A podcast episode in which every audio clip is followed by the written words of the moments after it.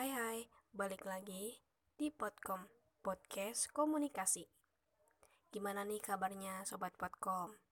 Jadi, kali ini aku akan bahas salah satu tokoh komunikasi di dunia.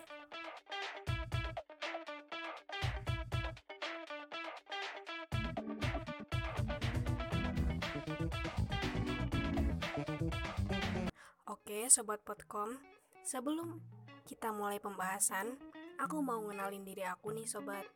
Nama aku Hoirul Umah, biasa dipanggil Umah, dan aku mengambil jurusan Komunikasi dan Penyiaran Islam di salah satu universitas di Cirebon. Oh ya Sobat Podcom, stay safe ya, walaupun udah new normal, itu belum tentu COVID-19 itu udah benar-benar musnah loh. Hanya saja sudah sedikit korban yang tertular dan korban meninggal dunia. Namun, bertambahnya pasien yang sembuh. Oke, langsung aja kita mulai ke pembahasan.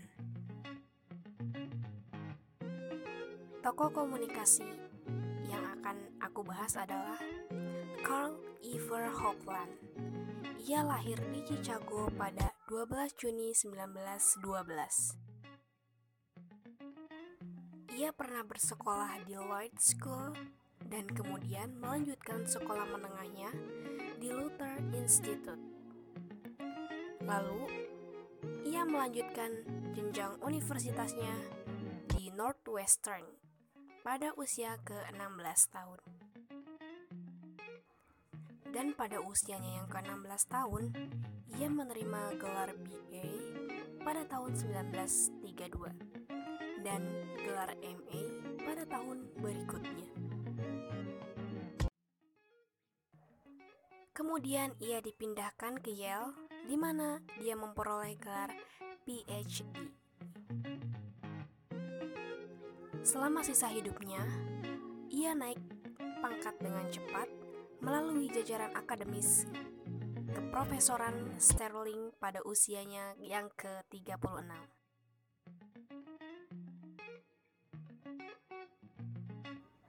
Selain itu, Hofland juga memiliki minat yang mendalam pada musik, bahkan hingga perguruan tinggi ketika psikologi menjadi bagian utama dari hidupnya. Ia mencari karir dengan bermusik. Pada usia yang Pada usia yang ke-6 tahun, ia membaca buku teks Latin dengan lancar, memulai pengembangan keterampilan linguistik yang menjadi sangat penting dalam studi alkimia dan agama selanjutnya. Pada akhir tahun 1932, ia menikah dengan Grete Dradart, seorang siswa piano seperti Hofland di Chicago.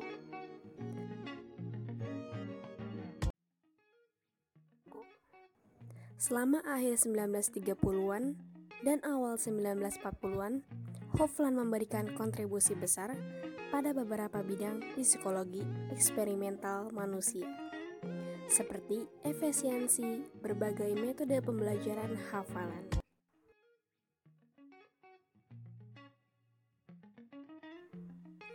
Hofland mengembangkan pandangan yang komprehensif tentang ilmu perilaku yang membawanya untuk memperluas pendekatan eksperimental analitik penelitian tentang pembelajaran manusia untuk bidang penelitian, yang mana pada saat itu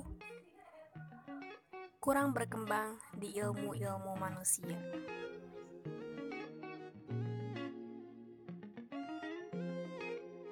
Karir pertama Hofland adalah saat ia bekerja secara intensif di bidang psikologi sosial yang kurang berkembang selama Perang Dunia Kedua, yang mana ia menjadi seorang psikologi senior di Departemen Perang. Usai Perang Dunia Kedua hingga tahun 1960-an, merupakan Periode munculnya teori-teori komunikasi massa pada intinya menyatakan bahwa media massa memiliki efek terbatas, media massa sudah tidak memiliki kekuatan lagi, sebagaimana periode teori masyarakat massa.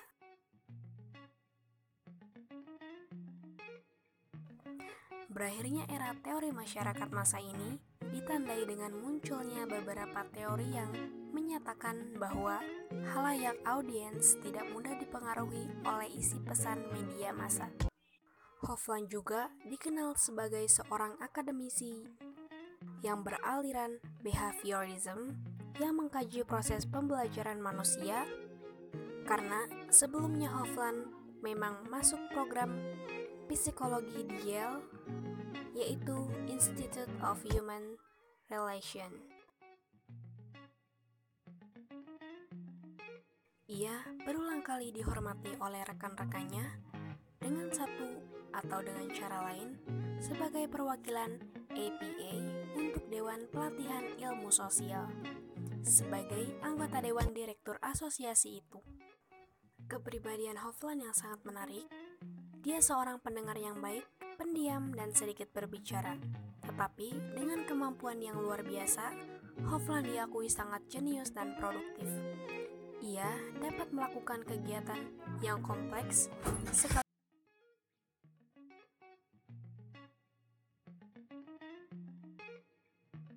Karl Hofland, sebagaimana Laswell, merupakan staf pengajar di Yale University yang tergolong universitas elit di Amerika.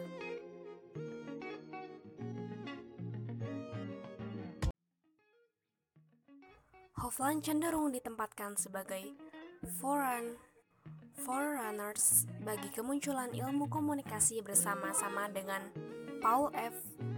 Lazarfield, Kurt Lewin, Norbert Wiener, dan Claude Shannon.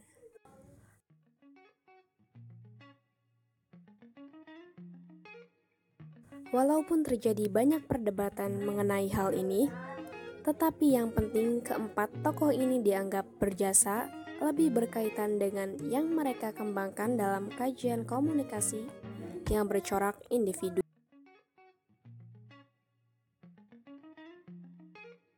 Hofland telah menerbitkan selusin makalah penelitian dan mengumpulkan data untuk setidaknya setengah lusin.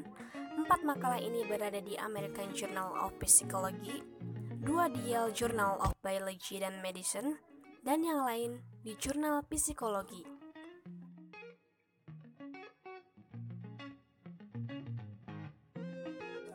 Makalah-makalahnya di jurnal-jurnal psikologi termasuk studi tentang uji rehabilitas, tinjau utama literatur tentang gerak nyata, serta empat makalah klasiknya tentang generalisasi terkondisi dari disertasi doktoralnya.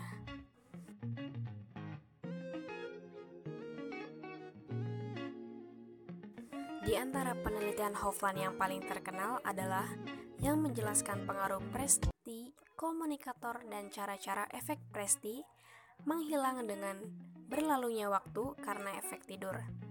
Ini terbukti menghilang seperti yang diperkirakan jika komunikator yang tidak dapat diterima dapat dipulihkan beberapa minggu kemudian dengan mengingatkan hadirin tentang siapa yang telah menyajikan materi persuasif sebelumnya.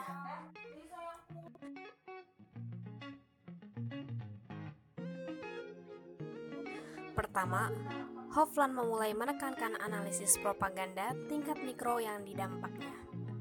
Eksperimen tentara Hofland adalah awal dari analisis tingkat mikro secara individu. Variabel ini konseptual. Hofland adalah sikap. Dengan penelitian yang sudah ada sebelumnya, dalam disiplin yang ditunjukkan untuk dengan penelitian yang sudah ada sebelumnya, ada se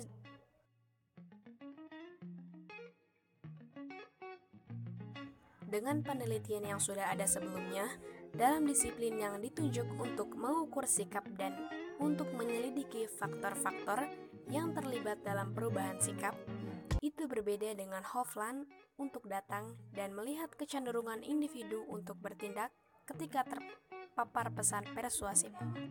Hofland percaya bahwa jika ia mampu mengenali sikap yang dimiliki seorang terhadap suatu pemicu, ia akan dapat memprediksi perilaku dan tindakan seorang dari waktu ke waktu. Namun,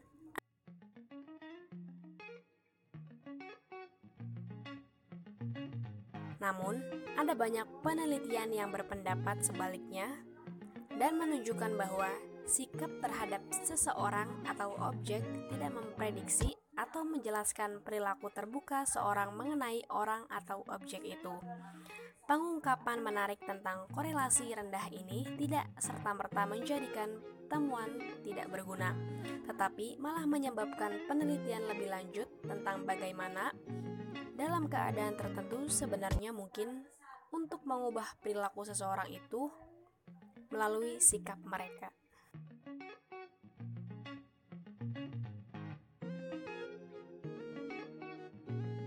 Sementara Hofland berfokus pada tingkat individu daripada kelompok.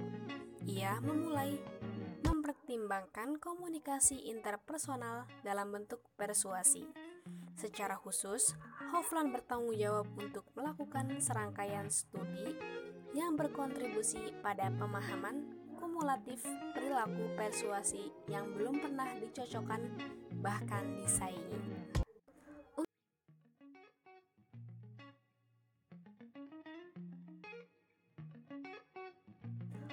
Menguji dan menerapkan teori Hofland, bekerja mengusulkan model SMCR. Model SMCR terdiri dari empat komponen, yaitu variabel sumber, variabel pesan, variabel saluran, serta variabel penerima. Hofland mampu memajukan pendekatan pembelajaran pesan untuk perubahan sikap. Namun, kelemahan dari penelitian Hofland ini adalah bahwa komunikasi terjadi dalam arah tunggal dan sifatnya lebih linier.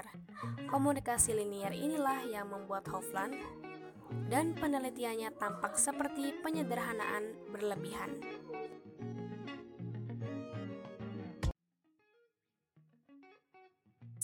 Selama 15 tahun, Hofland dan kelompoknya secara sistematis menyelidiki berbagai cara penyajian argumen, faktor kepribadian, dan proses penilaian yang masuk ke dalam perubahan sikap menanggapi pesan-pesan persuasif.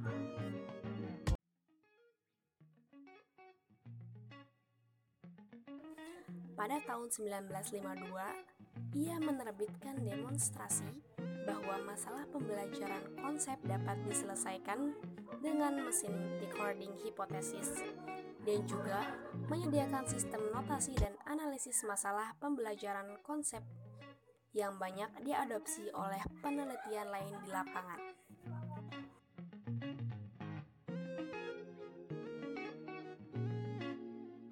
Hofland menggunakan penelitian eksperimental dalam studinya dan karena itu ia mampu melacak hubungan sebab akibat antara variabel.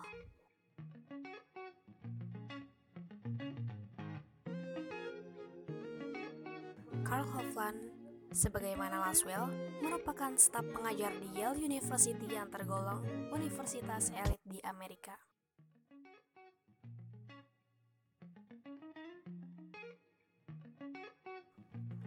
Hofland cenderung ditempatkan sebagai forerunners bagi kemunculan ilmu komunikasi.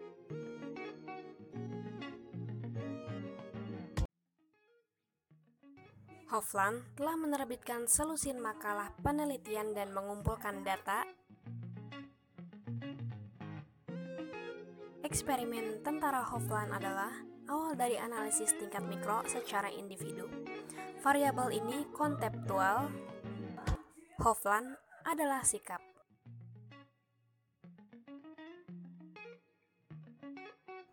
Dengan penelitian yang sudah ada sebelumnya, dalam disiplin yang ditunjuk untuk mengukur sikap dan untuk menyelidiki faktor-faktor yang terlibat dalam perubahan sikap, itu berbeda dengan Hofland untuk datang dan melihat kecenderungan individu untuk bertindak ketika terpapar pesan persuasif.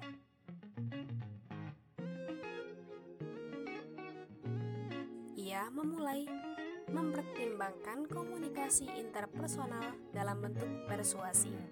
Secara khusus, Hofland bertanggung jawab untuk melakukan serangkaian studi yang berkontribusi pada pemahaman kumulatif perilaku persuasi yang belum pernah dicocokkan bahkan disaingi.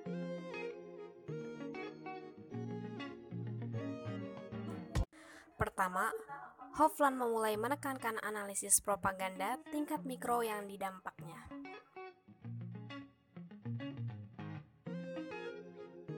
Eksperimen tentara Hofland adalah awal dari analisis tingkat mikro secara individu. Variabel ini konseptual. Hofland adalah sikap.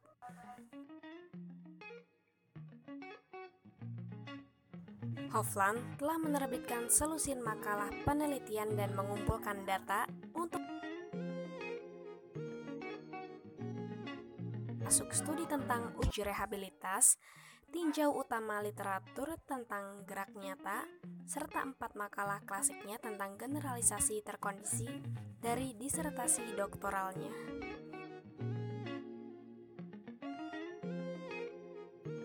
Dan Hoffman yang paling terkenal adalah yang menjelaskan pengaruh presti, komunikator, dan cara-cara efek presti menghilang dengan berlalunya waktu karena efek tidur.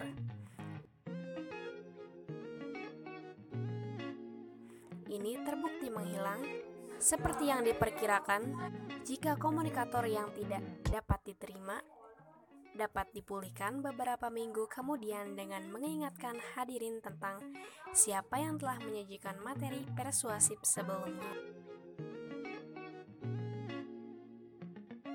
Dengan penelitian yang sudah ada sebelumnya, dalam disiplin yang ditunjuk untuk mengukur sikap dan untuk menyelidiki faktor-faktor yang terlibat dalam perubahan sikap itu berbeda dengan Hofland untuk datang dan melihat kecenderungan individu untuk bertindak ketika terpapar pesan persuasif.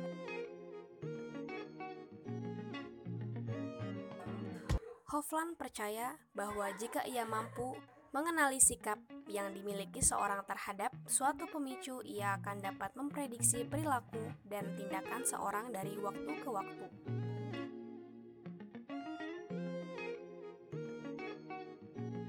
Menunjukkan bahwa sikap terhadap seseorang atau objek tidak memprediksi atau menjelaskan perilaku terbuka seorang mengenai orang atau objek itu. Kapan menarik tentang korelasi rendah ini tidak serta-merta menjadikan temuan tidak berguna, tetapi malah menyebabkan penelitian lebih lanjut tentang bagaimana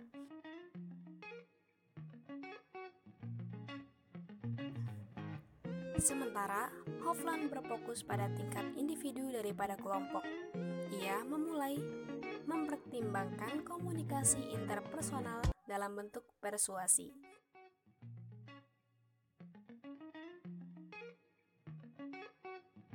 Untuk menguji dan menerapkan teori Hofland, bekerja mengusulkan model SMCR. Model SMCR terdiri dari empat komponen,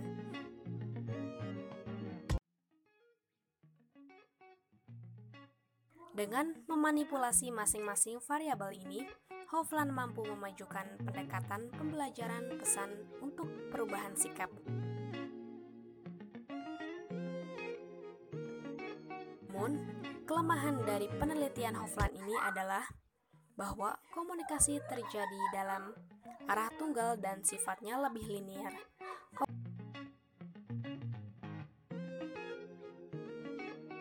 Selama 15 tahun, Hofland dan kelompoknya secara sistematis menyelidiki berbagai cara penyajian argumen, faktor kepribadian, dan proses penilaian yang masuk ke dalam perubahan sikap menanggapi pesan-pesan persuasif.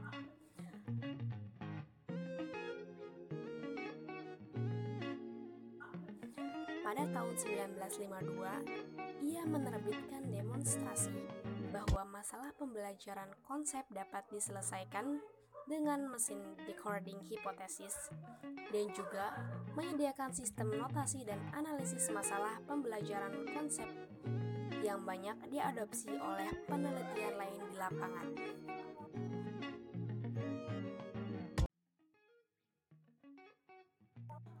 Hofland menggunakan penelitian eksperimental dalam studinya dan karena itu ia mampu melacak hubungan sebab akibat antara variabel. Dengan berjalannya waktu, Carl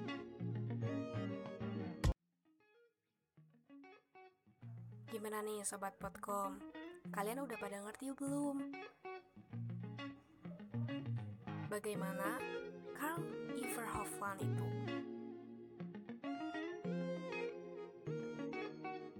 Dan apa saja karya-karyanya?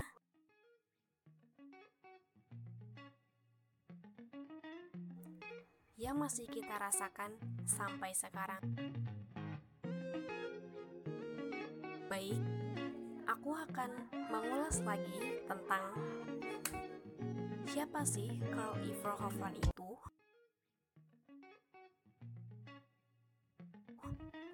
Ia adalah seorang tokoh komunikasi. Ia lahir di Chicago pada 12 Juni 1912. Ia pernah bersekolah di Lloyd School kemudian melanjutkan sekolah menengahnya di Luther Institute.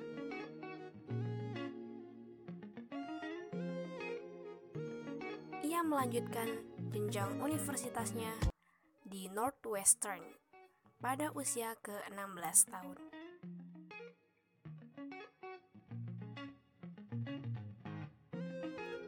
Dan pada usianya yang ke-16 tahun, ia menerima gelar BA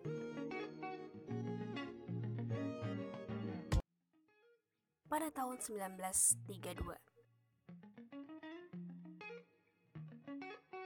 Dan gelar MA pada tahun berikutnya.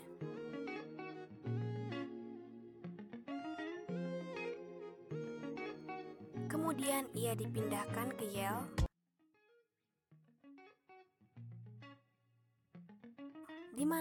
dia memperoleh gelar PhD.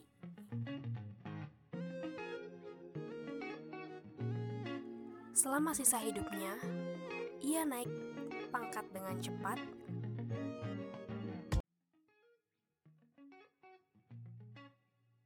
melalui jajaran akademis keprofesoran Sterling pada usianya yang ke-36.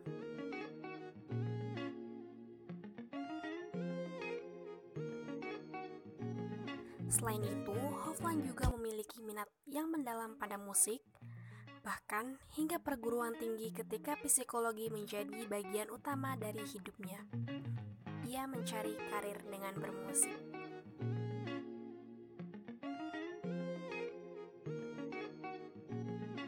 Ia menikah dengan Gertrude Radard, seorang siswa piano seperti Hofland di Chicago.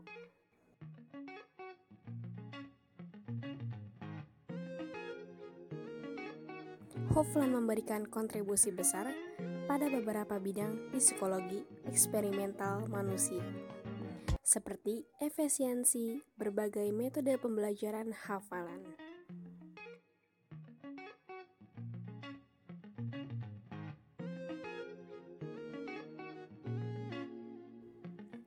Hofland mengembangkan pandangan yang komprehensif tentang ilmu perilaku yang membawanya untuk memperluas pendekatan eksperimental analitik penelitian tentang pembelajaran manusia untuk bidang penelitian.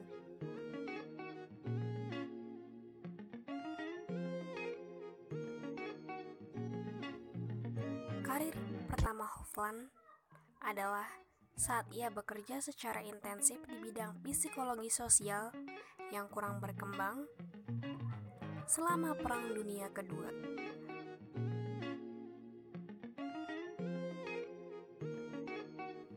Usai Perang Dunia Kedua merupakan periode munculnya teori-teori komunikasi massa pada intinya menyatakan bahwa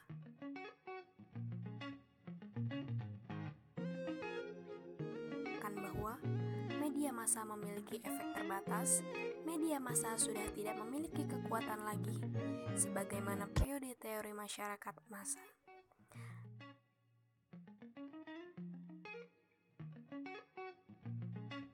Berakhirnya era teori masyarakat masa ini ditandai dengan munculnya beberapa teori yang menyatakan bahwa halayak audiens tidak mudah dipengaruhi oleh isi pesan media massa.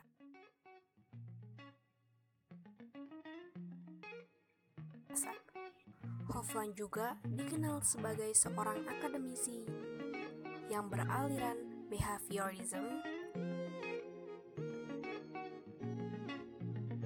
yang mengkaji proses pembelajaran manusia karena sebelumnya Hoffman memang masuk program psikologi di Yale yaitu Institute of Human Relations.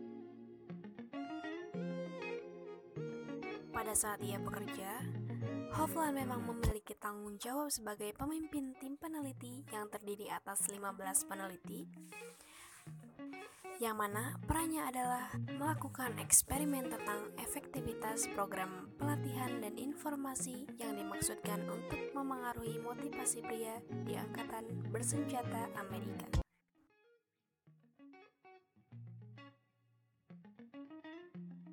Ia berulang kali dihormati oleh rekan-rekannya dengan satu atau dengan cara lain sebagai perwakilan APA untuk Dewan Pelatihan Ilmu Sosial sebagai anggota Dewan Direktur Asosiasi itu.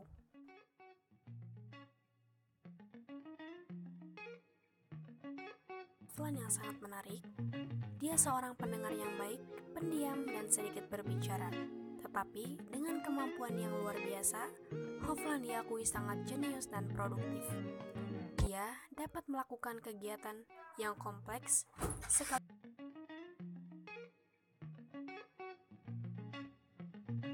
Carl Hofland, sebagaimana Laswell, merupakan staf pengajar di Yale University yang tergolong universitas elit di Amerika.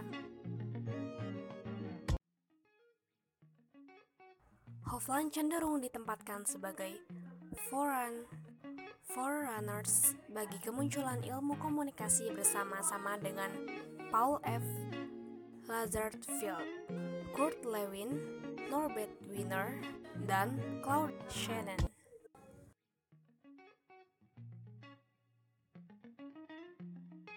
Keempat tokoh ini dianggap berjasa lebih berkaitan dengan yang mereka kembangkan dalam kajian komunikasi yang bercorak individu, paradigma efek jangka panjang, kualitatif, banyak membiayai penelitian dan metodik.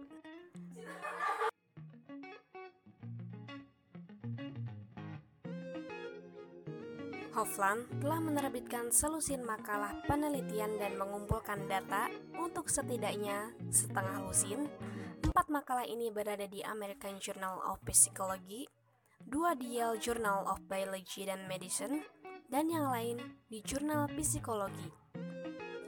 Makalah-makalahnya di jurnal-jurnal psikologi termasuk studi tentang uji rehabilitas, tinjau utama literatur tentang gerak nyata, serta empat makalah klasiknya tentang generalisasi terkondisi dari disertasi doktoralnya.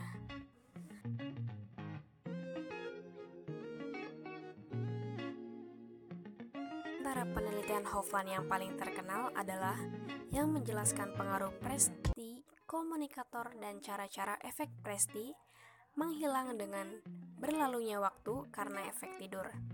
Ini terbukti menghilang seperti yang diperkirakan, jika komunikator yang tidak dapat diterima dapat dipulihkan beberapa minggu kemudian dengan mengingatkan hadirin tentang siapa yang telah menyajikan materi persuasif sebelumnya.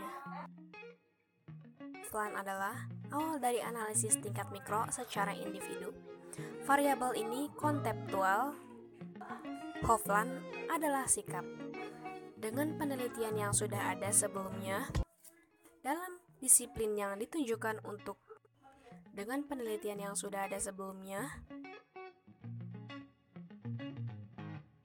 Oke, segitu aja yang bisa Uma sampaikan ke sobat.com semua. Semoga kalian gak bosan-bosan untuk terus dengerin podcast Di hari yang sama dan jam yang sama kita bakalan nge-up lagi podcast baru kita. Terus pantengin dan jangan lupa akun Instagram aku yaitu Hoirul Uma. Terima kasih atas perhatiannya. Mohon maaf jika ada banyak kekurangan dan kesalahan. Wassalamualaikum warahmatullahi wabarakatuh. Bye. See you sobat podcast.